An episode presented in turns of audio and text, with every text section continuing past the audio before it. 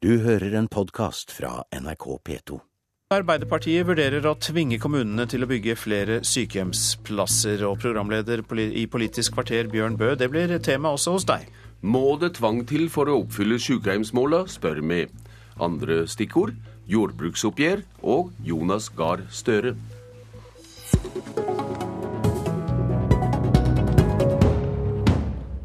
I Nyhende har vi hørt Arbeiderpartiets kommunalpolitiske talskvinne Inga-Lill Olsen vurdere øremerking av midler for å sikre at kommunene bygger flere sykehjemsplasser. Nå er du med oss på telefon fra Finnmark, Olsen. Og hvorfor kan det være lurt med tvang mot kommunene? For det første så er det viktig å si at Arbeiderpartiet er for rammefinansiering, og vi har en historisk lav øremerking nå. Men vi ser òg at eh, takta på, eh, på bygging av sykehjemsplasser ikke er så rask som vi ønsker. Og eh, når kommunene sjøl tar opp at de ønsker øremerking, eh, så tenker vi at det må vi lytte på, det må vi høre på. Vi må høre på hva kommunene sier, og vi må ha dialog med KS. Så det her er mest et signal for å si at det her må vi vurdere skikkelig. Er det viktigste her å oppfylle selve tallet i Arbeiderpartiets lovnad om sykehjemsplasser? Det viktigste er at vi får eh, det antall sykehjemsplasser som, eh, som det er behov for rundt omkring i kommunene. Og Det er det selvfølgelig kommunene sjøl som er best til å vurdere. Det er dem som vet hvilke behov som er der ute. Så Det er hovedmålet vårt. Det er at vi ønsker at eh, vårt velferdssamfunn skal bli enda bedre, og at det skal være en trygg og verdig alderdom hvis folk har behov for hjelp fra kommunen.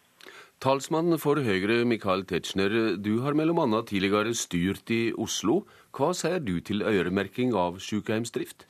Jeg er jo stolt av Oslo. Vi har jo noen av landets beste sykehjemsdekninger, i tillegg til alle de andre til tilbudene til eldre også, som også må ses i sammenheng. Jeg er litt forundret over at kommuner kommer til Ingalill Inga Lill Olsen og spør om øremerking. fordi hvis de ønsker å prioritere sykehjem, så kan de gjøre det innenfor eh, regelverket som er i dag. Mm. Det som er avgjørende, som jeg må spørre Olsen om, det er kommer det friske penger? Fordi KS har jo um, tolket uttalelsen dit hen at man rett og slett bare båndlegger disse midlene innenfor dagens rammer, og så må man altså presse ut andre aktiviteter.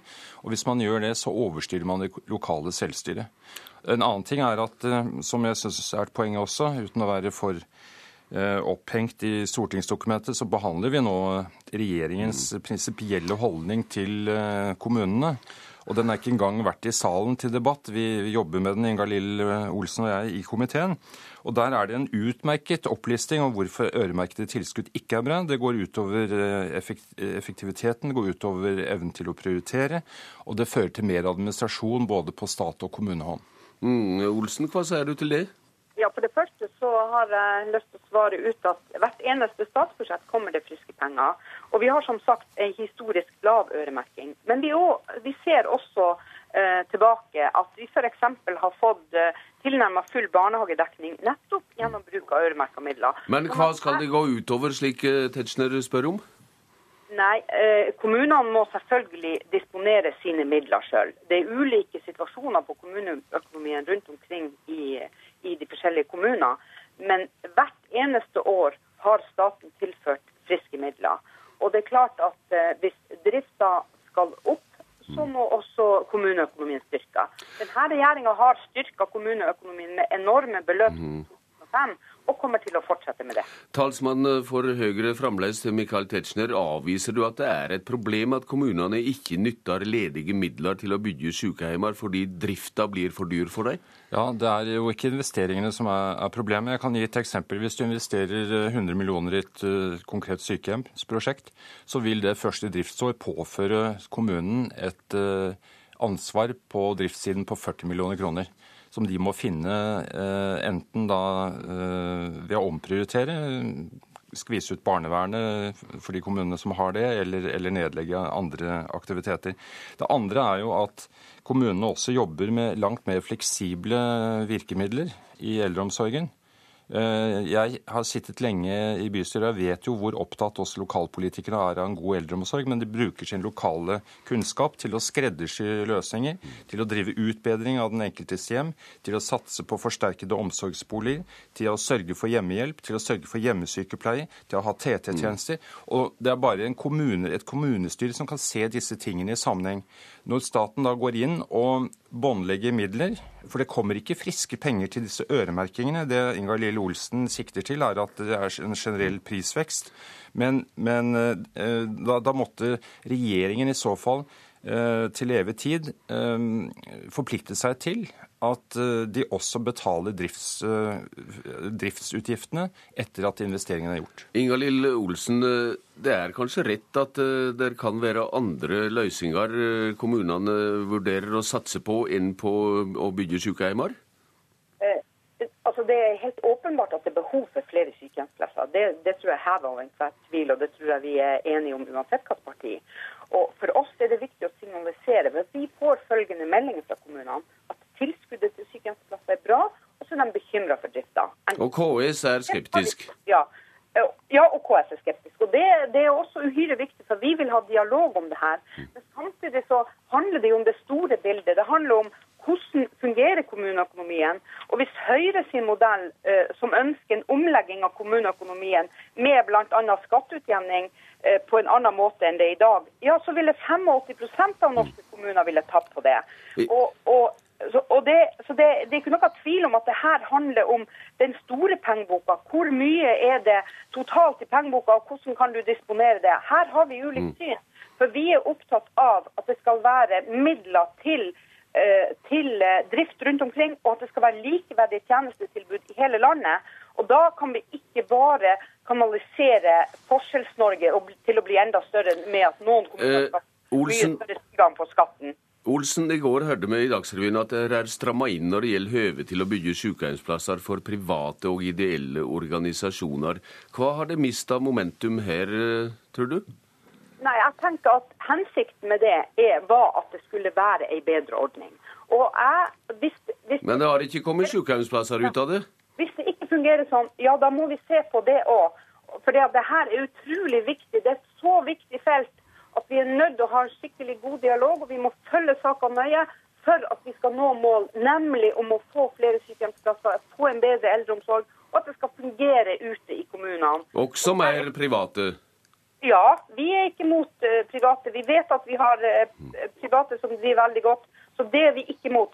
Det vi er imot, det er de skandalene vi har sett som er knytta til, uh, til, sosial dumping på det området. Det er vi imot. Men vi er ikke imot drift, at private skal drifte sykehjemsplasser.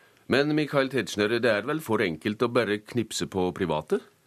Ja, altså, Det kan ikke løse det alene. Men det er utrolig risikabelt av Arbeiderpartiet som riktignok her uh, sier at de er for private, men de, de, stenger ute alle som har lyst til å ta et tak på, på denne sektoren. Det gjelder også innenfor uh, sykehussektoren og annen omsorgstjeneste. At man er så opptatt av at, uh, at private ikke skal få bidra, at alt skal skje i kommunal regi. Så, så, det er velkjent at Høyre også mener at vi skal ta i bruk alle gode krefter for å løse også velferdsoppgaver. Men jeg har lyst til å si at uh, Ingalill Olsen sier at, hun, at her, er vi, vi, uenige, men ikke minst er hun uenig med seg selv. fordi denne prinsippmeldingen som vi har liggende i vår komité, der står det jo nettopp argumentert for hvorfor øremerking er en veldig dårlig idé. For det fører til mer administrative øh, kostnader, mer byråkrati, mindre lokal prioritering og for skattebetalerne dårligere utnyttelse av ressursene. Et sylkort svar på det, Olsen. Ja, altså Arbeiderpartiet er for rammefinansiering, men vi ønsker å ta på alvor det kommunene melder ifra om. Og Hvis kommunene melder at det er behov for øremerking, og det er den løsninga de ser, ja vel, da tar vi det på alvor, og da går vi inn og vurderer det. Men vi skal, som sagt ha tett dialog med KS. Men unnskyld, de, de melder behovet nå pga. Samhandlingsreformen, som du er ansvarlig for? Da må vi slutte dette her. og Takk til deg, Ingalill Olsen, og takk til deg, Mikael Tetzschner.